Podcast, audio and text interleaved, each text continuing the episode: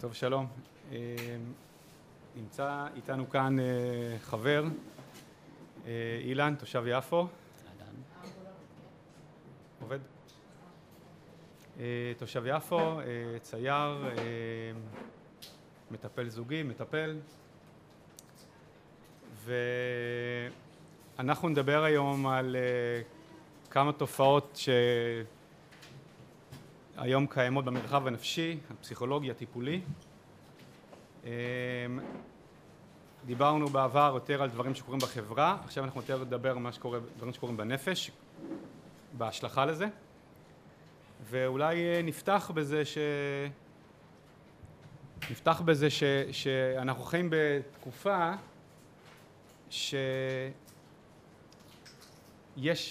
הרבה יותר רגישות ואמפתיה לאנשים שנפגעו, אה, לאנשים אה, שנמצאים באיזשהו מצב של חולשה, בין אם זה משהו שקשור אליהם, בין אם זה משהו שבאמת אובייקטיבית הם נפגעו, אז יש איזה סף, אה, הסף הרגישות לאנשים שנמצאים במצב יותר חלש הוא, הוא גבר מאוד, וזה באופן בסיסי אפשר להגיד שזה חיובי מאוד שיש לחברה ולאנשים יותר אמפתיה לאנשים אה, במצבי חולשה ואנשים שנפגעו. זה הרבה יותר טוב שאנשים יהיה אמפתיה למי שנפגע מאשר תהיה אדישות למי שנפגע. אה, אבל יש איזה משהו ש... אבל ייתכן, וזה הצד השני, שהחוסר האיזון אה, בדבר הזה גורם לדברים אחרים. והיה כזה סיפור קטן שיצאנו לדבר עליו, שיש לי בת מטופלת אה, סכרת, אז אשתי מספרת לי שכשהיא הולכת, אה, כשהיא בעבודה שלה, שהיא מספרת למישהי על אה, שיש לה בת מטופלת, אז כאילו, אה, קדושה. היא קדושה. יש איזה, יש איזה משהו שאדם שהוא במצב, יש איזה הערכת יתר אני מרגיש. ובאמת בקבוצה של הורים ש, שיש להם ילדים שהם מטופלי סכרת, אז יש קבוצה מסוימת של הורים שהם אה, מאוד אה, נהנים מה... להיות מה... בקבוצת להיות ייחוס. בק... בדיוק, קבוצה הזאת של אנשים שיש להם את הזכות להתלונן על המצב שלהם. אמ, וזה בעוד, בעוד מצב, זה במציאות שבאמת אף אחד לא עשה לך את הסכרת הזאת, והמדינה לא עשתה את זה, זה הטבע או הבורא, השם, ו... וסך הכל החברה מאוד עוזרת, המדינה מאוד עוזרת, אז אין לך באמת סיבות אובייקטיביות אמיתיות להתלונן למישהו. ועדיין ה... יש את, אה, סוג מסוים של הורים שיש להם את, ה... את האנרגיה הזאת של, של רגע, למי, למי אפשר... אז אנחנו אה, בעצם רצינו לפתוח בזה בזה, בזה שחברה שהיא רוויה מאוד של אמפתיה שהיא, לא, שהיא מה שאנחנו לפעמים קוראים טוית או לא מאוזנת מה זה יוצר בתוך המרחב הנפשי הפסיכולוגי, המרחב הטיפולי בחוויה של אדם והיחס של החברה אל האדם הזה. אנחנו קראנו לזה מצב קורבני. מצב קורבני זה אומר אדם שהוא נפגע זה אדם שהוא, אה, שהוא עכשיו קורבן או שהוא מרגיש קורבן או שבאמת אובייקטיבית הוא נפל קורבן לפגיעה של מישהו זה יכול להיות ילד, זה יכול להיות פגיעה של הורה, פגיעה של אה, מישהו אחר, בסיטואציה, מעגל חברתי כזה או אחר, ועכשיו הוא קורבן. ומה קורה לאדם הזה בתוך מרחב אה, פסיכולוגי, נפשי, טיפולי? אז אולי אפשר להתחיל, אתה תיארת מקרים כאילו קיצוניים, שמישהו נפגע מאוד, אה, עבר התעללות או משהו מעין זה, ואז הוא מגיע לטיפול. אבל אני רוצה לקחת את זה דווקא למקום שפוגש את כל אחד מאיתנו. בעצם יש בתוכנו מקום, או עלול בתוכנו להיות מקום, שכולנו מרגישים קורבנות. ניתן דוגמה מהמרחב הזוגי. בא זוג לייעוץ או לטיפול זוגי. אני עוד לא נפגשתי עם זוג שבא לטיפול, והבעל אומר, יש לנו בעיות בזוגיות כי אני לא מדבר יפה אל אשתי. לא פגשתי שהאישה אומרת, יש לנו בעיות בזוגיות, כי אני יודעת איך לעצבן אותו ואני עושה את זה בכוונה. אם אתה מקשיב לבני הזוג, אתה מגלה תופעה מדהימה. קודם כל יש פה אחד רשע ואחד טוב.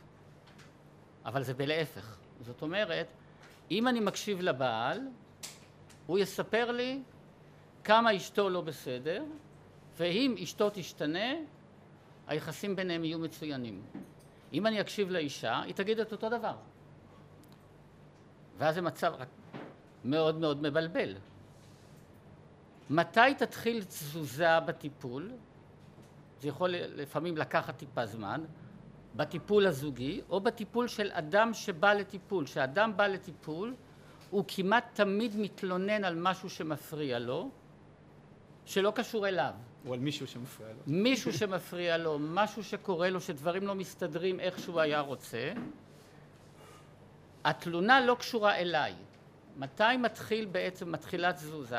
מתי שבן אדם מתחיל להיות מוכן להתבונן על עצמו ולראות איך הוא גורם לאותו דבר שהוא מתלונן עליו. זאת אומרת, איך אני מביא עליי את סבלי.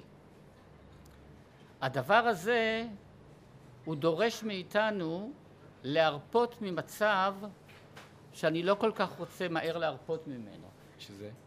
המקום הזה של הקורבנות, אני לא כל כך ממהר להרפות מהמקום הזה. אם אנחנו נשמע אנשים מדברים ביניהם, אנחנו הרבה פעמים נשמע שיח כזה שכל אחד מספר, את יודעת מה היא אמרה לי? אתה יודע מה הוא עשה לי? ואנחנו מתחרים מי יותר מסכן, מי יותר אומלל, למי נגרם יותר עוול. עכשיו, המקום הזה הוא חסימה, זאת אומרת, מהמקום הזה לא יקרה שינוי. למה? כי אם אני סובל בגלל שאתה מתנהג אליי בצורה מסוימת, עד שאתה לא תשתנה, אני ארגיש רע. זאת אומרת שהמפתחות לתחושה שלי נתונים בידיך, לא בידיי. כל עוד המפתחות נתונים בידי מישהו אחר, אין סיכוי שזה ישתנה. כי אני נשאר תלוי בהתנהגות שלך, או במה תעשה. הקורבן, התחושה הקורבנית יש לה רווח. האדם הקורבני הוא מרוויח הרבה מאוד. שני דברים הוא מרוויח, קודם כל סימפתיה, והדבר השני תחושת עליונות. זאת אומרת, אם אני סובל, אני מקבל מהצד השני סימפתיה לסבל, יודעים שכל מי שסובל, אנחנו מכילים אותו, אנחנו נותנים לו אמפתיה, והדבר השני, אם אני סובל בגללך, אז אני יותר עליון ממך. אני יותר צודק, אני יותר טוב, ואתה רע. על התחושה הזאת של לקבל סימפתיה ולקבל תחושת עליונות, אני לא כל כך ממהר לוותר. וזה מה שמחזק את התחושה הזאת של קורבנות.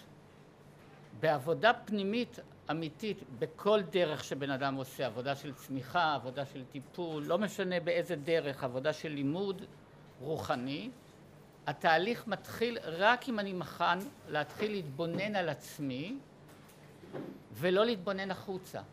לצורך העניין זה ממש לא משנה מה קורה בחוץ.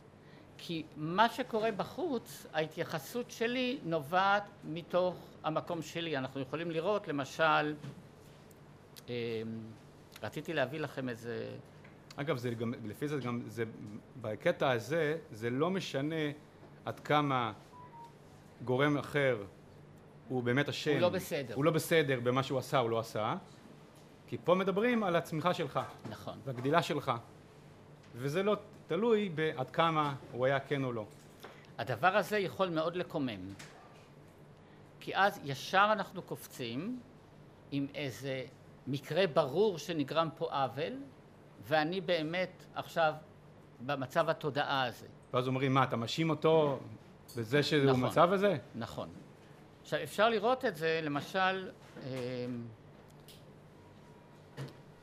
יש אה, סופרת יהודייה הולנדית שקוראים לה אתי אילסום, היא נרצחה באושוויץ בגיל 27. היא עשתה משהו מרתק. אנה פרנק כתבה יומן במחבוא, אבל אתי אילסום כתבה יומן בתוך מחנה אושוויץ, שזה המקום הכי גרוע בעולם אובייקטיבית. כשקוראים את היומן שלה, אתה לא מאמין. זאת אומרת, היא לא נותנת בשום צורה למה שקורה בחוץ להשפיע עליה. והיא כותבת על כל מיני מקומות שהיא רוצה ללמוד, שהיא רוצה להשתפר, שהיא רוצה להיות. המציאות החיצונית היא איומה ונוראה, והיא לוקחת את זה אחרת. עכשיו אנחנו רואים הרבה מאוד מקרים כאלה, אנחנו יכולים לראות אדם שיכול לקטר על ארוחת בוקר במלון הילטון שאין לו את הקורנפלקס שהוא רגיל, ואנחנו יכולים, וזה גורם לו לסבל מאוד קשה, ואנחנו יכולים לראות אדם שעובר משהו מאוד קשה, זאת אומרת זה לא אובייקטיבי. זה קורה בגלל ההתייחסות שלי. ההתייחסות שלי מוכרחה להיות כדי שזה ישתנה, שאני רוצה לראות איך העולם הרגשי שלי, המחשבתי שלי, גורם לי לדבר הזה. בעבר דיברנו על מקרה של אישה שהיה לה בעל אלכוהוליסט. אה, אז זו דוגמה למשל מצוינת, אה, שהיא מופיעה הרבה מאוד פעמים, אני אתן שתי דוגמאות. אה, עשו מחקר בכמה מקומות בעולם על נשים שנשואות לגברים שמכורים לאלכוהול. אני לא יודע אם אתם יודעים, אבל להיות נשואה לגבר שמכור לאלכוהול זה לא מציאה גדולה. בדרך כלל הגבר הזה לא עובד, הוא מגיע הביתה בשתיים בלילה, מתלווים לזה עוד כל מיני תופעות מאוד מאוד לא נחמדות, בין השאר אלימות וכולי. זאת אומרת, בצורה המודעת, כל אישה שנשואה לגבר אלכוהוליסט, שהיא תדבר עם העובדת הסוציאלית, היא תגיד שהיא ממש ממש רוצה שהגבר, הבעל שלה, יפסיק לשתות ויתחיל לתפקד וילך לעבוד ויתפקד כמו בעל נורמלי. זה החלק המודע. עקבו הרבה מאוד פעמים אחרי גברים אלכוהוליסטים וגילו שלפני שמטפלים בגבר האלכוהוליסט צריך לטפל באשתו. מה גילו?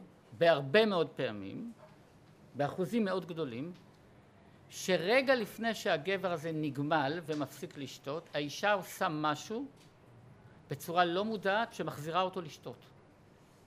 ואז הוא חוזר לאותו תפקוד, זאת אומרת, הוא מפסיק לעבוד, הוא מתחיל לשתות, הוא נהיה אלים, הוא קם בשתיים בצהריים, ונשאלת השאלה, למה האישה הזאת עושה משהו שיחזיר את הגבר שלה להתחיל לשתות?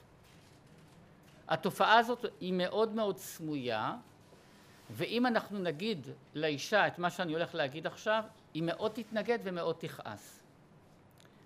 האישה הזאת מרוויחה המון מזה שיש לה בעל אלכוהוליסט. מה היא מרוויחה? היא מרוויחה שהיא צדקת וקדושה. כולם אומרים לה, איך את מגדלת שלושה ילדים לבד? את עובדת בשתי עבודות.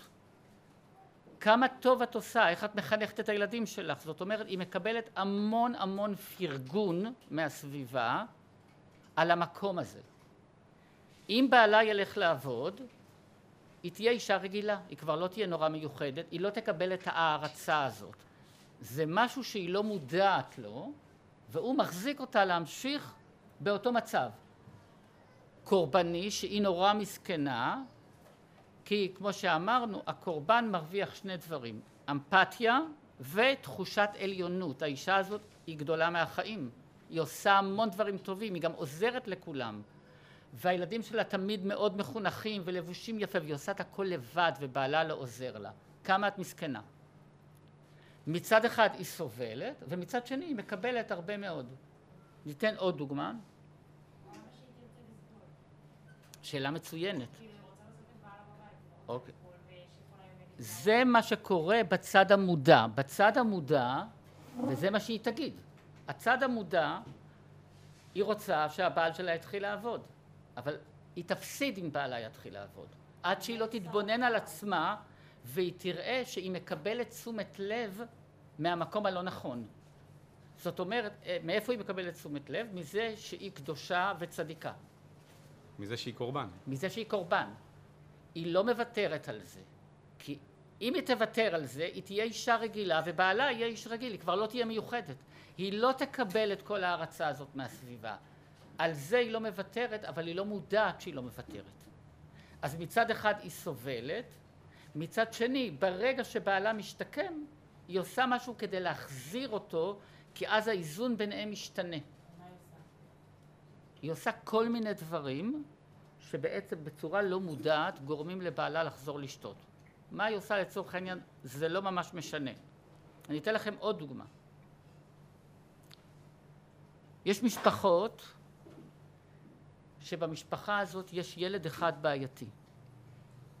מה זה ילד בעייתי? זה ילד שכל הזמן מתעסקים איתו. הוא עושה צרות. ההורים האלה של הילד הזה לוקחים אותו להמון טיפולים. אה, ובעצם לא ממש עוזר. הילד הזה ממשיך לעשות צרות. הרבה פעמים יש תופעה סמויה מן העין. לזוג הורים האלה יש בעיות בזוגיות שלהם. הם לא רוצים להתבונן על הבעיות בזוגיות ולכן הם מייצרים ילד בעייתי שהם יתעסקו איתו כל הזמן. ההתעסקות עם הילד הבעייתי וסחיבה איתו לפסיכולוגים כאלה ואחרים גורמים להם לא להתבונן על עצמם. ברגע שתתחיל לשאול אותם שאלות על עצמם הם ישר יתחילו להתנגד, אנחנו אין לנו, הזוגיות שלנו מושלמת. מה קורה פה בשני המקרים האלה? אנחנו לא רואים שבעצם המקום שמצד אחד אני באמת קורבן וסובל, יש לי ילד בעייתי, אני באמת סובל מהילד הזה, אני לא רואה איך אני מייצר את זה. ואני בטח לא רואה ולא רוצה להיפטר מזה. זאת אומרת שההתבוננות פנימה היא תצטרך להיות כזאת שמוכנה לוותר על הרווחים של הקורבנות. ואיך בעצם מייצרים את האיזון הזה בין אמפתיה אמיתית למי שנמצא, זה גם אדם לחברו וגם אדם ביחס לעצמו, לבין המקום שבו זה לא גולש לסוג של אה, אה, התייחסות למישהו בגלל שהוא קורבן, או להפוך את הקורבן למשהו מתגמל מאוד. ותמיד צודק כי הוא הקורבן. איך יוצרים את, את, את האיזונים האלה? אתה שואל לא... איך זה קורה ב... בטיפול, במפגש, כן, בחברה? כן, איך... כן. אוקיי, זה משהו מאוד מאוד עדין. אפילו, אפילו בטיפול, מצד אחד הבן אדם, בן אדם זקוק לאמפתיה, זקוק להקשבה, לאמפתיה, לרגישות למצב שהוא נקלע, אל, נקלע אליו. מצד שני, אני רוצה לעזור לו לא להיקבר שם, אלא לגדול מהמקום הזה ולקחת אחריות על החיים שלו. אז אני אתן איזה דוגמה, אבל לפני זה נחלק את זה. האמפתיה והסימפתיה לבן אדם, למה שהוא עבר, זה החלק הראשוני הבסיסי, ההכלה של המקום. זה החלק הראשוני. הבעיה מה קורה אם אני נשאר שם ויש רק את זה. בוא נגיד שבא בן אדם שמצביע ומספר כל מיני דברים שבגללם הוא סובל מהוריו, מאשתו, מהבוס. או מהורים, זה מאוד נפוץ, שאנשים כאילו רווקים, זה מאוד נפוץ. בשלב כזה של, של, של ההתבגרות כזו או אחרת, הם יודעים אה, להאשים את ההורים. להתלונן על ההורים, למשל. בכל מה שהם עברו, ובגלל זה המצב שלהם משהו. אני דפוק בגלל הוריי. אחרי זה זה עובר, אני דפוק בגלל אשתי. מחליפים. השלב של הסימפתיה, אוקיי, בסדר, בוא נסתכל. אתה באמת סובל, את באמת סובלת. ממה שקרה, ממה שנגרם, מאותו אדם וכולי. והאדם מקבל את כל הסימפתיה שבעולם למצב שלו. אוקיי, עכשיו קיבלת תעודה, לפעמים אני אומר נגיד לגבר שמתלונן על אשתו, אני אומר לו, תשמע, אני אתן לך תעודה. תתלה אותה בבית, אני אתן לך תעודה ובתעודה יהיה כתוב, תמסגר אותה, יהיה כתוב, אשתי לא בסדר. אוקיי, ועכשיו? אני מסכים איתך, אשתך לא בסדר. היא מעצבנת, היא לא יודעת איך לדבר איתך, היא לא מכבדת, הכל. אני מסכים איתך, אני אפילו אעזור לך. נעשה צוות של רבנים שיחתום על העניין הזה. שאשתך לא בסדר. מה אתה רוצה עכשיו? אתה רוצה להתגרש? אם אתה לא רוצה להתגרש, אז מה אתה בעצם רוצה? בזה שקיבלת סימפתיה, אם זה נתקע שם, זה מבוי סתום. הרבה מאוד פעמים הטיפול מוביל אותנו רק לתת את הדבר הזה, ואז אנחנו פשוט נתקעים. כי בסדר, אתה סובל, והסבל שלך נגרם בגלל בן אדם אחר, והבן אדם הזה כנראה לא הולך להשתנות. אני לא יודע אם אתם יודעים, אבל ההורים שלכם לא הולכים להשתנות. זה נורא מתסכל ונורא מאכזב, אי אפשר לשנות הורים, הם לא משתנים, בדרך כלל. זאת אומרת, הם משתנים לעיתים מאוד רחוקות. עכשיו, זה יכול נורא לתסכל, זה יכול נורא לעצבן, נורא היינו רוצים אחרת, אבל הורים לא משתנים, ובטח ובטח הם לא משתנים מעל גיל מסוים, בכלל אנשים לא משתנים אם הם לא בוחרים להשתנות, ולהשתנות זה לא דבר קל. למשל, כדי להשתנות אני צריך להסתכל על עצמי, על הרווחים שאני מרוויח מתחושת הקורבנות ולוותר עליהם, זה לא קל בכלל, זה דורש הרבה התבוננות פנימית. אז המקום של האמפתיה, אם הוא נתקע שם, לא יהיה שינוי. אני אתן לכם דוגמה על איזשהו ייעוץ שניתן אה, למטפלים במסגרת מסוימת, ומספרת מטפלת פסיכולוגית שהיא עובדת עם בחורה רווקה, בת 37, שמאוד רוצה להתחתן והקטע הזוגי לא מסתדר לה. והיא הולכת בשביל זה לטיפול ועובדת עם אותה פסיכולוגית במשך כמעט שנה אה, ובתום השנה שום דבר לא זז בקטע הזוגי. ואז אותה פסיכולוגית באה לייעוץ והיא נשאלת מה עשית איתה עם אותה מטופלת במשך שנה? אז היא אומרת, אני מאוד העצמתי אותה וחיזקתי אותה, יש את כל הקטע הזה של העצמה. ומאוד פרגנתי לה, אישה מאוד מצליחה, היא עובדת באיזה עבודה מאוד בכירה, אישה מאוד עוצמתית, ומאוד חיזקתי אותה. אוקיי? זה אחלה לחזק, זה אחלה להעצים, ואז נשאלת השאלה... מה היא העצימה? מה, מה קרה אחרי הצימה? שנה? העצמת אותה. היא באה לחפש זוגיות. האם אחרי שנה שהעצמת אותה היא מצאה זוגיות? היא לא מצאה. אז מה עזרה לנו כל העצמה הזאת? העצמת אותה, בסדר, היא אחלה, היא עפה על עצמה. זה לא עזר לה. ואז אותה פסיכולוגית נשאלת שאלה. אני רוצה לשאול אותך שאלה, איך את מרגישה עם אותה בחורה שבאה אלייך לטיפול? מה את מרגישה ממנה? אז לרגע היא שותקת, ואז היא אומרת, לא תמיד נוח לי איתה. למה? היא אומרת, הבחורה היא מאוד קצרה, היא חסרת סבלנות, היא מאוד חותכת, היא יכולה להיות לפעמים תוקפנית, מפסיקה אותי באמצע, אין לה סבלנות, והיא לפעמים אגרסיבית. ואז היא נשאלת, שיקפת לה את זה? לא, איך אני יכולה לשקף לה את זה? מה פתאום? אני אגיד לה, תשמעי, את... אה, ואז שאלתי אותה לצורך העניין, האם חשבת שבחורים שנפגשים איתה ככה הם מרגישים? שהיא תוקפנית, שהיא קצרה, שהיא חסרת סבלנות. זאת הסיבה למה היא לא מצליחה.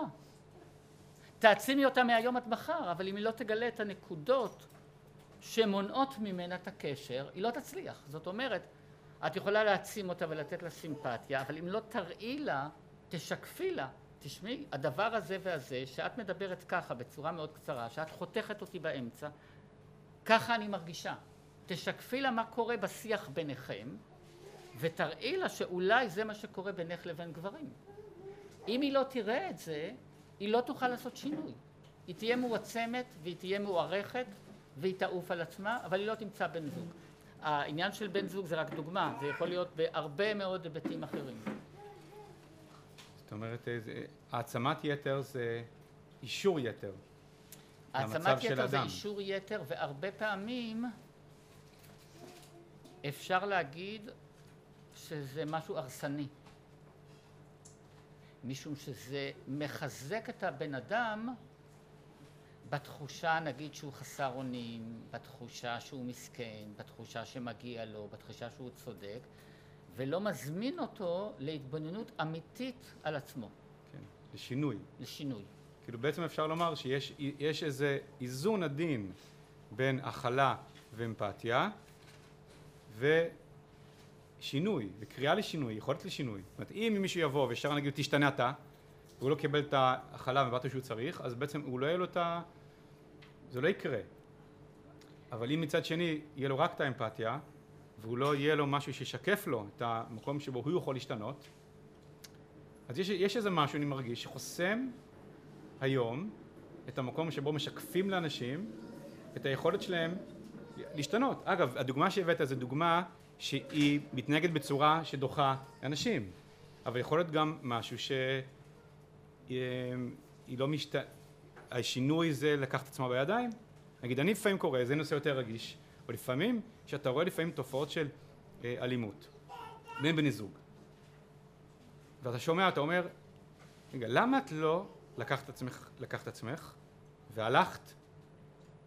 זאת אומרת, יש איזה משהו שבו יש לך את הזכות המלאה להיות קורבן, ונחבק אותך ונחבק אותך וזה, אבל לעזור לך שלא תהיי קורבן זה לא. ש, שתשני משהו באורח חיים שלך כדי לא לאפשר לעצמך להיות קורבן, על זה לא מדברים. השלב הראשוני בתודעה אצל כולנו, שלב הקורבנות מתחיל בעצם בילדות. ילד במהות שלו הוא קודם כל, יש לו כמה דברים שמאפיינים אותו. אחד הדברים שמאפיין ילד זה הוא מרגיש מקופח והוא בא בטענות להוריו. כשאדם מגיע לגיל עשרים והוא ממשיך להרגיש מקופח ולבוא בטענות, זאת אומרת שהוא נשאר במצב תודעה ילדי. המצב הזה הוא המצב שבו אנחנו מתחילים. אדם בא עם מקום שהוא סובל, זה המצב הראשוני, רק הוא טעה בכתובת. זאת אומרת, הוא מתבונן החוצה ומאשים, ושופט ומבקר. זה לא משנה איך זה מתבטא, באיזה צורה. זה השלב הראשוני. בשלב הזה הוא כן צריך לקבל הרבה סימפתיה. יש את השלב הבא, בלי קשר לטיפול, או בלי קשר לזה שאדם הולך לייעוץ או לטיפול, בהתבוננות שלי על עצמי, אני צריך להסתכל, אני רוצה להסתכל על עצמי ולהפנים שאני אחראי על חיי. המפתחות הן בידיים שלי, אני יכול להשתנות. עכשיו, השתנות זה כמו פיזיקה. אם אני משתנה, אני אתן לכם דוגמה שלא קשורה לקורבנות, אני אתן לכם דוגמה כבר. אם אני משנה משהו בי, אז כמו פיזיקה, גם הצד שאני מתלונן עליו משתנה. אני אתן לכם דוגמה מהעולם הזוגי. יש הרבה פעמים תופעה אצל זוגות שיכולה להיות אצל זוגות נשואים ויכולה להיות אצל זוגות לא נשואים שרק יוצאים. התופעה היא כזאת, יש אחד מבני הזוג שמאוד מעוניין ומאוד רוצה. לצורך העניין אנחנו קוראים לו רודף או רודפת. היא מאוד רוצה שנדבר, היא מאוד רוצה להיפגש, או הוא מאוד רוצה, והצד השני הוא בורח. אז יש צד אחד שמאוד רוצה וכל הזמן רודף לתשומת לב, לדיבורים, לשיחות, למפגשים, ויש צד אחד שכל הזמן בורח. אם לא נשים לב, מהר מאוד זה יכול להפך לדפוס. הצד שרודף ממשיך לרדוף כי הוא מלא חרדה, והוא רודף ורודף ורודף, ואז הוא בא בתלונות ובהאשמות. אתה לא רואה אותי, למה לא צלצלת, לא אכפת לך, וכולי וכולי וכולי. כשבאים בטענות למישהו זה נורא מקרב אותו. הוא נורא רוצה להתקרב אם באים אליו בטענות. אז הצד שבאים אליו בטענות, אם הוא לפני זה ברח, הוא בורח עוד יותר. ואז יש לנו אחד בורח ואחד רודף. אוקיי? זה מקבל כל מיני אלמנטים. אתם יכולים לזהות את הדבר הזה? כל מי שיצאה פעם אחת עם מישהו, נתקלה בזה באיזושהי צורה. איך פותרים את זה? אפשר שרק צד אחד במשוואה יפתור את זה. לא תמיד צריך את שניהם. זאת אומרת שאם עוזרים, מספיק שצד אחד בא למפגש. למשל, הצד שרודף בא להיפגש. עוזרים לו להפסיק לרדוף. תהיי בעניינים שלך, תפסיקי לצלצל, תפסיקי לבקש תשומת לב וכולי וכולי, או לצד הבורח, מלמדים אותו להפסיק לברוח. תתחיל לצאת תשומת לב, תתחיל להקדיש. זאת אומרת, כל אחד, מספיק שצד אחד עושה את ההפך והפיזיקה משתנה. פתאום זה שכל הזמן ברח, הוא מתחיל כאילו להראות עניין. הוא מתחיל סוג של לרדוף. ברגע שהוא עושה את זה, הצד השני, בפיזיקה, פתאום מתחיל להתרחק. נגיד מישהו מרגיש שמנצלים אותו, אז בוא נגיד שהשני לא בסדר, שהוא באמת מנצל אותו. אז הוא יכול להגיד, ראה, אוקיי, אני יכול להתלונן שמנצלים אותי, ולהאשים שמנצלים אותי, וכולי וכולי, להגיד שאני קורבן שהם לא, כן, וכולי, ואני יכול להגיד מה אני עושה עם עצמי כדי שלא ינצלו אותי. okay. מרגיש מנוצל, זה תמיד, ואז הוא בשלב מסוים, מישהו שמרגיש מנוצל, הוא תמיד בשלב מסוים בא בכעס לצד השני. ובטענות. מישהו שמרגיש מנוצל, זה תמיד, הוא לא ידע לעצור בשלב מסוים ולהגיד, זה לא מתאים לי, אני לא רוצה, אני לא מסכים. זאת אומרת, הוא התאפק, התאפק, התאפק, הוא לא עצר, הוא לא אמר מה נכון לו ומה לא נכון לו, הוא אמר, אני לא רוצה לעשות את זה. זאת אומרת, אני לא רוצה לנסוע לאמא שלו אחרי שבת. אולי זה יבאס אותך, אבל אני לא רוצה. לא, אבל אני בא כי אני רוצה, ואני בא כי אני רוצה, ואז אני בסוף כועס. או אני עושה משהו שאני לא רוצה להרבה זמן, ואז אני מתפוצץ. אז הדברים האלה תמיד קורים כי כאילו ויתרתי. עכשיו, אם אני אסתכל על הצד המנצל, אני לא אראה שאני הייתי שותף, זה ריקוד משותף. אני עשיתי משהו שאפשר את זה. השינוי יכול להיגרם רק כשאני אסתכל ויגיד, אוקיי, מה אני עושה שאפשר את המצב הזה. אגב, כשמסתכלים נגיד חברתית, נגיד פה, פה ביפו, לא רק ביפו, אבל גם ביפו, נגיד יש יוזמות של עזרה לאנשים שנמצאים באיזשהו מצב חברתי אה, יותר קשה, יותר מצוקתי, אה, איך שגדלו, למצב שהגיעו אליו, ואפשר לקחת אותו מודל, יש את האמפתיה, את ההכלה והאמפתיה לקושי שהוא נמצא, אם זה עוני כלכלי, אם זה מצוקה חברתית, אמ, ואתה יכול לשים לב שלפעמים יש איזה ניסיון להעצים במקום ש... ש... לעזור לקחת אחריות על עצמו ולצאת מהמצב הזה, אלא שהוא יישאר במצב הזה ורק כאילו להעצים את הטענה כלפי מי שהוא חושב שאשם במצב שלו. להאשים את העשירים, להאשים את המדינה, להאשים את פה, כאילו להאשים את כל העולם, כאילו במצב שלו. במקום לעזור לו לקחת אחריות על עצמו ולהוציא מעצמו את ה-200% שלו. כאילו יותר נוח, זה כאילו קשור למה שאמרת בהתחלה, יותר נוח להיקבר בתוך המצב הזה. לפעמים זה מאוד עדין, שלפעמים אנשים שרוצים לעזור, הם נוטים להיגרר, לה, כאילו להעצים את התחושות הקשות שלו ולהצטרף לקואליציה שלו בהאשמת כל עולם ואשתו על המצב שלו, ואז אני כאילו, אני אחלה, אני בצד שלו, אני בצד של החלש. אבל אתה בצד שרק מחליש. הוא, מצ... הוא מנציח את, הח... את החולשה שלו במקום להגיד, וואו, אתה יכול להיות אחרת לגמרי, לקח את כל המשכות בידיים שלך. עובדות סוציאליות הן אלופות כן, בעניין הזה. כן. זאת אומרת, אה, זה גם חלק גדול מאוד מהלימוד. ואז אנחנו רואים, אם אנחנו מדברים למשל על מצב סוציו-אקונומי, אנחנו רואים משפחות עניות, שגם הדור הבא הוא אותו דבר. אה, זה לא משתנה.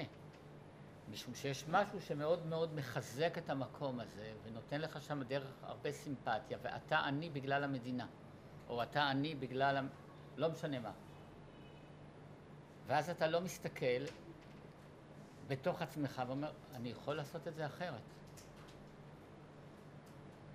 זאת אומרת בעצם כל מה שאנחנו מדברים אפשר לקרוא לזה משהו שאני התוודעתי אליו מגיל מאוד צעיר, והוא, בשלב הראשון הוא היכה בי, כאילו, שיש לנו אחריות על החיים שלנו. זאת אומרת שאף אחד חוץ ממני לא אחראי על החיים שלי, שאני יכול ליצור את החיים שלי. ולא אשם בחיים שלי. היכולת ליצור את החיים שלי, זאת אומרת, זה באחריותי. יש לי את היכולת ליצור את החיים שלי כפי שאני רוצה. אני לא קורבן של המציאות, אני לא קורבן של אף אחד, ואני לא מסכן, אני לא אומלל. אני נופל הרבה פעמים, אני יכול ליפול. ואני יכול ליפול בתחושת מסכנות כלפי דבר זה או אחר, אבל אז אני רוצה לקרוא את עצמי לסדר ולראות, אוקיי, בוא תחפש, כי ברגע שאני מוצא את משהו שקשור אליי, זה תמיד רווחה וזה תמיד שמחה. כי אם זה קשור אליי, אז זה בידיים שלי. אז אני יכול לעשות עם זה משהו. זאת אומרת, זה ממש כמו לצאת מבית האסורים. כי אם זה משהו ששלי, מהר מאוד, ברגע שחיברתי את זה אליי, יצא לי הפתרון. אז אני ישר מוצא מה לעשות. משהו אחר. ברגע שזה קשור למישהו אחר, במיוחד אם זה קשור לא רק למישהו אחר, נגיד כמו בת זוג או הורים או הבוס, אם זה קשור למדינה, לממשלה, זה בכלל ענק. מה, מה אני אעשה עכשיו? איך אני... לא יכול לשנות את זה. זה... אבל גם שקורה תופעות, בוא נגיד, אה, בעולם, אה, מתסכלות מאוד, כן. כמו הקורונה. השאלה איך אני מתייחס למה שקורה. כלומר, אני יכול להתייחס, ב- להתבאס מאוד ו... ולהאשים ולחפש את האשם. ואני יכול להסתכל... ברגע שאני מגלה את הנקודה בי, שם יש שחרור. אוקיי. כן, עכשיו אפשר כמה שאלות על זה. כן. כן.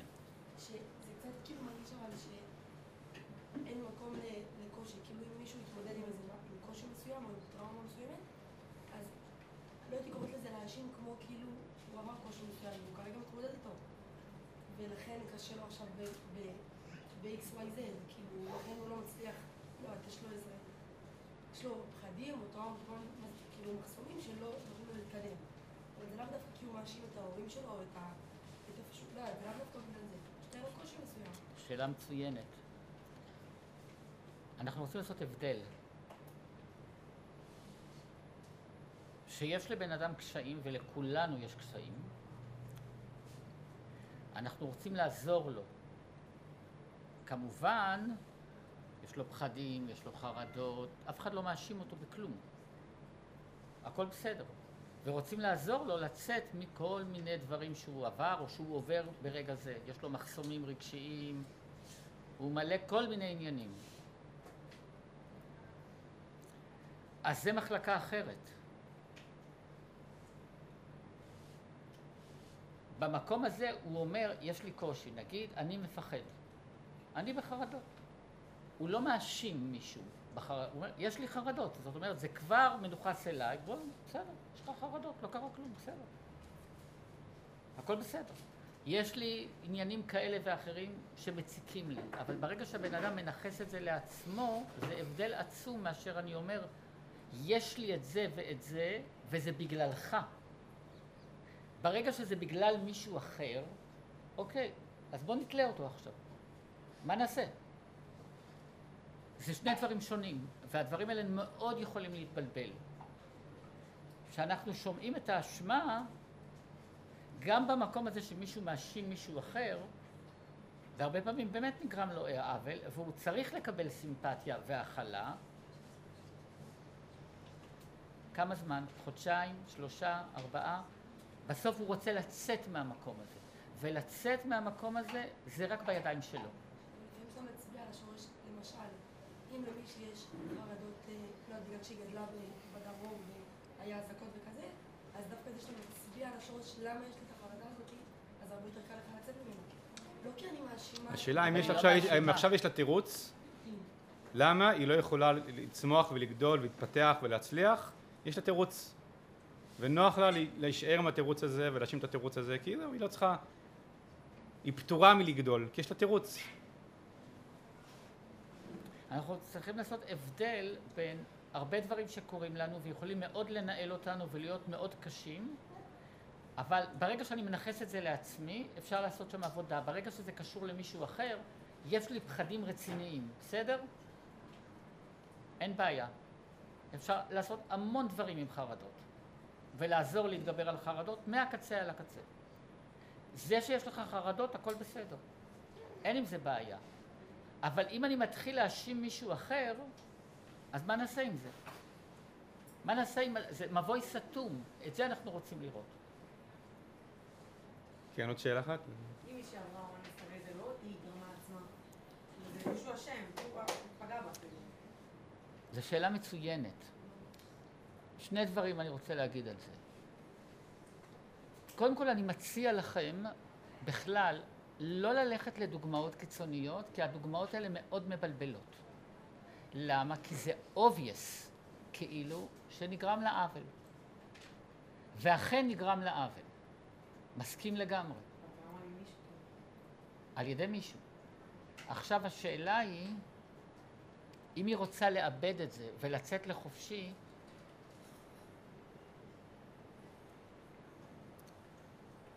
אנחנו רוצים להבין דבר פשוט מאוד. אם היא תמשיך להרגיש קורבן, היא לא תוכל להתחתן ולבנות חיים. היא לא תוכל. היא תהיה מוכרחה לצאת בשלב מסוים מהדבר הזה. ולא משנה לצורך העניין כמה הוא נורא. זה ברור שהוא נורא, דברים נוראים קרו להרבה אנשים. אבל אם אני נשאר שם, היא לא תוכל לבנות את חייה. כי היא עברה משהו מאוד קשה והוא חסם אותה, גמרנו. אז היא תקועה. בשלב מסוים, אם היא תרצה להתפתח, היא תרצה לעשות עבודה מסוימת שתעזור לה לדלג את השלב הזה. כמובן שצריך לתת לו המון המון המון מקום. אנחנו עושים את המפגש הזה שעוד לזמן מאוד קצר, אז אנחנו רק נוגעים בנקודות. אז יכול להשתמע, מה שאנחנו אומרים עכשיו, יכול להשתמע כמשהו מאוד חסר רגישות ומאוד חותך, ולא ככה בכלל. זה ברור שצריך לתת המון סמפתיה והמון הכלה, אבל אם זה יהיה רק זה, שם זה נתקע. זה מבוי סתום. כאילו באיזשהו מקום, יכול להיות. שבהיבט מסוים, כיוון שלגדול מזה, לצמוח מזה, זה קשה, אז כאילו יותר נוח להיקבר בתוך המצב הקורבני, גם אם זה ממשיך לעשות לך רע, מאשר לבחור לגדול מזה, ולעמוד מול הקושי הגדול שיש בה, בהתמודדות הזאת. או מול הפצע הזה, כן. בכל מיני צורות. כאילו יותר נוח להמשיך לקבל את התגמול על כן. הקורבנות.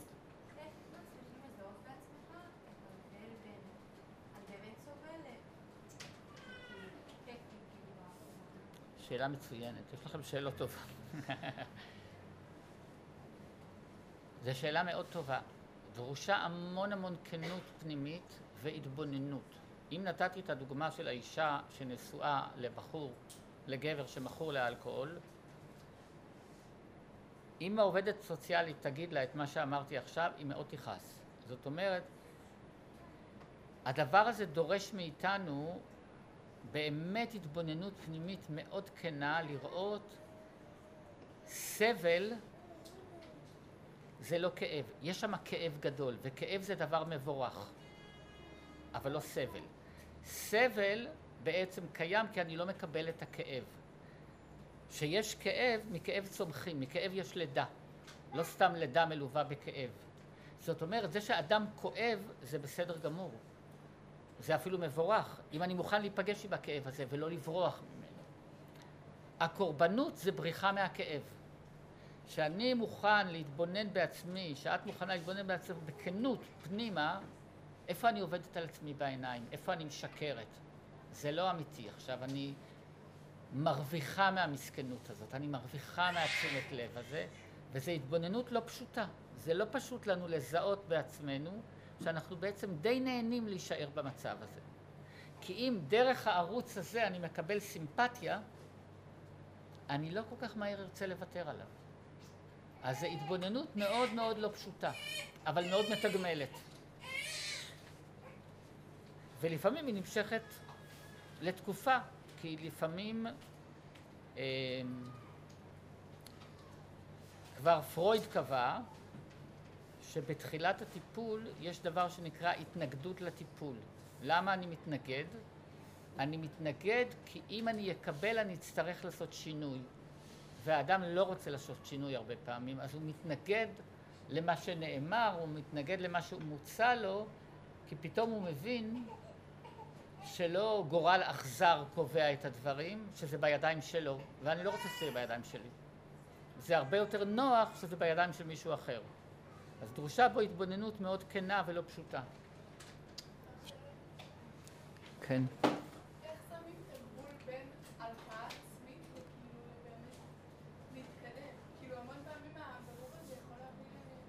הלקאה עצמית זה דבר מיותר מאוד. הלקאה והאשמה עצמית מיותרים, הם לא מובילים אותנו לשום דבר. אז התבוננות כנה, הלקאה עצמית זה להעניש את עצמי. זה אני לא בסדר נקודה, התוצאה של זה לא תהיה שמחה. איך אני מבדיל? כשאני מסתכל על עצמי ואני רואה את הנקודה החלשה, למשל, שאני מרוויח תשומת לב, כשאני מוכן להתבונן ולוותר על זה, התוצאה של זה תהיה שמחה. התוצאה של הלקאה עצמית היא אף פעם לא שמחה. גם הלקאה עצמית היא סוג מסוים של, אה, איך אני אגיד את זה, של הונאה. עכשיו אני אשם, עכשיו אני לא בסדר, עכשיו אני אשמה, אני מלכה את עצמי, הרבה פעמים כמה שאני יותר מלכה את עצמי זה כנראה אני יותר מוסרית ואני יותר בסדר כי אני מרגישה אשמה. להרגיש אשם זה גם אבוי סתום. זה, תמונת מראה של האשמה של החוצה. אני מאשים את עצמי. זאת אומרת, במקום להאשים את הסביבה, אני מאשים את עצמי. זה מיותר וזה מיותר. לא את אשמה ולא הסביבה אשמה. אנחנו מתבלבלים, וזה אפשר לתת על זה עשרה שיעורים או מפגשים, את ההבדל בין אחריות לאשמה. אנחנו מחברים את זה יחד. אחריות זה לא אשמה. זאת אומרת, זה שאתה אחראי לא הופך אותך לאשם. אחריות זה משהו שונה לגמרי. אני לא אשם, אני אחראי. זה תדר אחר לגמרי. ואני רוצה להתבונן, כל הדברים האלה שאתם מעלות, הם מעלות מקום של הרבה התבוננות פנימה, באמת להבדיל מתי אני מלכה את עצמי ומתי אני מתבוננת באומץ על נקודות חלשות בעצמי ולא בורחת. זה שני דברים לגמרי שונים. אם אני מלכה את עצמי, אני לא בכיוון. אם אני באה אל עצמי בטענות שאת לא בסדר, אני לא בכיוון. הכיוון הוא התבוננות כנה, וזה צריך להיעשות ברכות. זאת אומרת, אני מגלה משהו חלש, נגיד שאני רוצה תשומת לב דרך אה, קורבנות, זה לא נעים לפגוש את זה בעצמי. אני אוכל לפגוש את זה רק אם אני אפגוש את זה ברכות, אבל אם אני אתחיל לתקוף את עצמי על זה, הלך עליי. ההתבוננות דרך זה צריכה להיעשות מאוד בעדינות ולא בהתקפה. אפשר לומר שהעם היהודי זה עם שיש לו את ה, במרכאות את התירוץ הכי גדול להיות בקורבנות, הוא סבל מפוגרומים וייסורים במשך דורות רבים, והיה לו יותר מכל עם אחר כאילו את הסיבות האובייקטיביות להיות קורבן ומסכן וכולי וכולי, וברגע שהוא יכל, הוא בחר לא להיות קורבן, אלא לקחת אה, את חייו בידיו, לקחת אחריות ולבנות אה, מציאות משגשגת. אז אנחנו יכולים לראות מה שאתה אומר עכשיו, אולי אפשר ככה פחות או יותר לסיים בזה. אה, מה שעולה לי בראש זה שני קהילות יהודיות, קהילה יהודית של יהודי ארצות הברית, שהגיעו ברובם הגדול בשנות ה-20 אחרי פוגרומים ברוסיה, חסרי כל לגמרי, לארצות הברית, ואמריקה הייתה אז, וגם היום, אבל אז מדינה של מהגרים. תוך תקופה של 20 שנה הקהילה היהודית בארצות הברית נהפכה, אני לא יודע, נדמה לי שהקהילה היהודית בארצות הברית הייתה ועדיין משהו כמו 2% הקהילה האתנית הכי עשירה. זאת אומרת, הם באו חסרי כל ונהפכו מבחינה כלכלית לקהילה הכי עשירה והכי משפיעה על עולם התרבות, על הקולנוע, על המון המון דברים יהודים השפיעו בארצות הברית, והם הגיעו כפליטים. הסיפור השני, יהודי ספרד שעזבו את ספרד, זה נדבר על המוצא של המשפחה שלי, והגיעו לסלוניקי, חסרי כל בגירוש ספרד, ותוך עשרים שנה הפכו את סלוניקי לעיר הכי עשירה בעולם ולקהילה הכי משגשגת בעולם, מכלום. אם אני מרגיש קורבן, אני לא יכול להגיע למצב הזה. לא, אני לא אוכל, ואנחנו פה מדברים על דבר כלכלי בשתי הדוגמאות האלה, למשל. ובשתי הדוגמאות, גם ליהודי ספרד וגם ליהודי ארצות הברית היה את כל הפריבילגיה להרגיש קורבנות. זה דרך אגב ככה במה שנקרא בציטוט שלא לעניין, אחד ההבדלים המאוד מאוד גדולים בין העם היהודי לפלסטינאים, שממשיכים בדור הרביעי להרגיש קורבנות. ולרצות עדיין לקבל כסף על, על זה שהם פליטים. כן. אבל זה נושא לחוט. לא ניכנס לזה היום. ובעצם יש כאן משהו, בעצם, בעצם משהו כאילו תודעתי, תפיסתי, תרבותי. שמה זה לקיחת אחריות? אמ, אפשר להגיד שזה בתפילה, שאנחנו בעצם, גם אחרי שעם ישראל גלה, למרות שזה obvious לומר שהוא גלה בבית שני בגלל שהרומאים כבשו אותו והגלו אותו, בתפילה זה לא כתוב, בתפילה כתוב מפני חטאינו. כאילו אנחנו לוקחים אחריות על הסיטואציה, אנחנו בונים את עצמנו, מתקנים את עצמנו, ומתוך שנתקן את עצמנו אז אנחנו נזכה לשיבה שלישית לארץ ישראל. אז אפשר לראות את מה שאת שאלת על רגשות אשם. אם אנחנו אומרים מפני חטאינו גלינו, אז אפשר להגיד אוקיי. כן. בסדר. אפשר להגיד מפני חטאינו גלינו, אוקיי? וואלה, אנחנו אשמים, אנחנו לא בסדר. וזה העונש שקיבלנו, ואפשר להגיד אוקיי, מפני חטאינו גלינו, בסדר. אוקיי, אפשר לתקן. זה משהו אחר לגמרי. כן. ואז אני לא בא אל עצמי באשמה, עכשיו כן, זה ב- העונש שמגיע לי, וזה מה שקיבלנו, ונענשנו. אוקיי, בסדר, חטאת. תשוב, תשנה.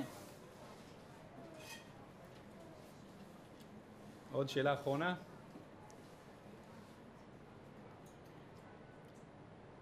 טוב, כן. כן. זה בקול. בהקשר של השיעורים האחרונים, אתה נגעת ב- כאילו, בהומוסקסואליות. סתם אני אשמח לשמוע כאילו מהמאבק הטיפולי. איך מגיעים לזה גם לשאלה של הקורבנות. אני רוצה שתחדדי את השאלה, כי לא לגמרי הבנתי אותה. אה? כאילו.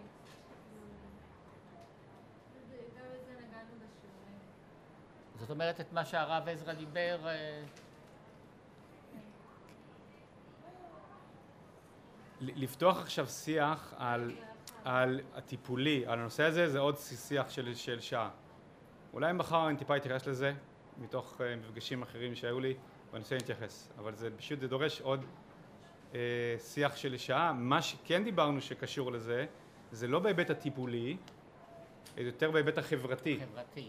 בהיבט החברתי, מעין טענה כזאת שיש פה איזה מיעוט מדוכא, הוא מיעוט קורבני, שלפעמים נוטה, נוטה אה, לומר שהמצוקות שיש לו זה כנראה בגלל שהחברה מדכאת אותו. ואז זה יכול לגלוש להיבט האישי. אותה תופעה חברתית יכולה לגלוש גם להיבט האישי, שאני מקופח. אני פעם קראתי בבלוג של מישהו כתב שהוא בעצמו הומוסקסואל והוא נמצא בקהילה הזאת והוא טען שיש בקהילה הזאת בעיה שאנשים נוטים לקחת את, את הצרות שלהם, את הקשיים שלהם במובן הפסיכולוגיים שלהם ולהשליך אותם על זה שהחברה לא מקבלת אותם כהומוסקסואלים. אומר, זה דפוס כזה. אה, יש לנו תירוץ. זה כנראה בגלל שלא... זה, זה כנראה הסיבה שיש לי קשיים אלה ואלה. מה שהוא תיאר בבלוג הזה. אז כשיש, כש, כשמישהו משכנע אותי, אפשר לראות את זה גם בעוד דוגמאות אחרות. אם יש קבוצה של עולים, יש עולים, אמרנו, אמרנו עולים, יש פה ביפו, יש אה, קבוצה של עולים מאתיופיה, יש, זה יכול לקרות בכל קבוצה של עולים, בכל משך השנים, שיש לה יותר קשיים, אובייקטיבית יותר קשיים, כי קשה להיקלט מנטלית, תרבותית, חברתית, זה, זה, זה, יש קשיי קליטה, זה המציאות. אז עכשיו האם אנחנו לוקחים את המצב הזה, אה, למה קשה? בגלל שיש פה איזה חברה שמדכאת אותך. ואז אתה מסדר ככה את הדברים. במקום להגיד הקשיים הם אמיתיים, ואני צריך לראות מה בתוכי קשה, מה בתוכנו קשה ואיך אני גדל מזה, אתה פשוט מסדר את החברה. אה, אני פשוט נמצא באיזשהו מצב שאני מיעוט מדוכא, והם אשמים שאני, שיש לי קשיים. אפשר לראות את זה גם בחברה הערבית, במקום להסתכל רגע, לנו יש בעיה כזאת וכזאת, נגיד אם יש בעיית אלימות, במקום להגיד אנחנו צריכים לפתור אותה, אה כנראה בגלל המדינה יש לנו בעיית אלימות, בגלל הכיבוש, כן למה יש אלימות? בגלל הכיבוש, כן, ברור, זה אותו דפוס, אתה, אתה מתבצר בתוך מצב חברתי שאני מיעוט מדוכא, אני קורבן, כחברה אני קורבן, ואת כל הצרות וקשיים שיש לי כחברה, אני מתרץ את זה בזה שאני קורבן. ואותה קבוצת הרוב היא כנראה אשמה בזה שיש אצלנו תופעה כזאת וכזאת. אז כמו שאדם פרטי עושה את זה, גם חברה יכולה לייחס לעצמה מצב קורבני ולחפש את מי להאשים בבעיות שלה. לא בונים לנו, כן, זה, זה ממש, כן, מעין טענה כזאת, אין מספיק תקציבים שמושקעים פה ולכן יש פה אלימות. כלומר, אתה, אתה המדינה לא בנתה לי מתנ"ס ולכן אני, יש בי אלימות. אותו דפוס, אבל במישור החברתי. הצד השני לא. הצד השני זה הצד השני. זה, זה נכון מאוד שאם אני, אני אה, שר הקליטה והעלייה והקליטה, אני צריך לשאול האם עשיתי את המיטב כדי לקלוט את הקבוצת עולים הזאת בצורה טובה? האם עשיתי את המיטב? מי שעולה, הוא צריך לשאול את עצמו איך אני ממקסם את האפשרויות שיש לי כדי לגדול ולצאת, ולטפל בק- בקשיים האובייקטיביים שיש לי. כל אחד צריך להסתכל על עצמו.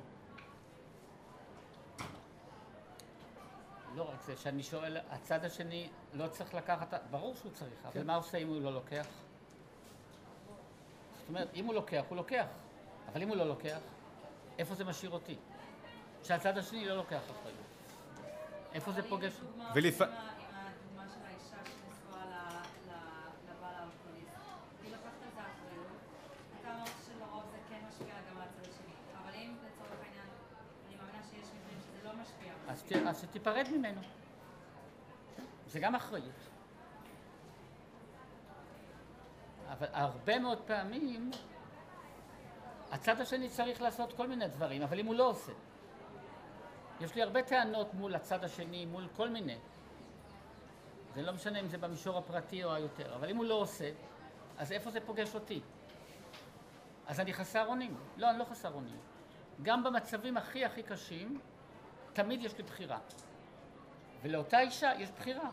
לעשות, אם היא תרצה, אם היא תבחר שהיא רוצה בעל לא אלכוהוליסט, ואם הוא אלכוהוליסט והוא נשאר ככה, ואת לא רוצה את זה, תיפרדי ממנו. אם היא כן, תעשה... אבל איך היא מודעת, יכול להיות שהיא עושה משהו קטן שהיא לא רוצה בזה. היא צריכה להיות קודם כל מודעת לזה. זה- זאת אומרת, זה תהליך, קודם כל להיות מודעת, להיות מודעת למה היא מרוויחה, ולרווחים שלה, לוותר עליהם, ואז לראות מה קורה, טוב, לזהות את זה. אנחנו חייבים לסיים, דוח קיבלנו לסיים, טוב, אז... אה, תודה רבה. תודה.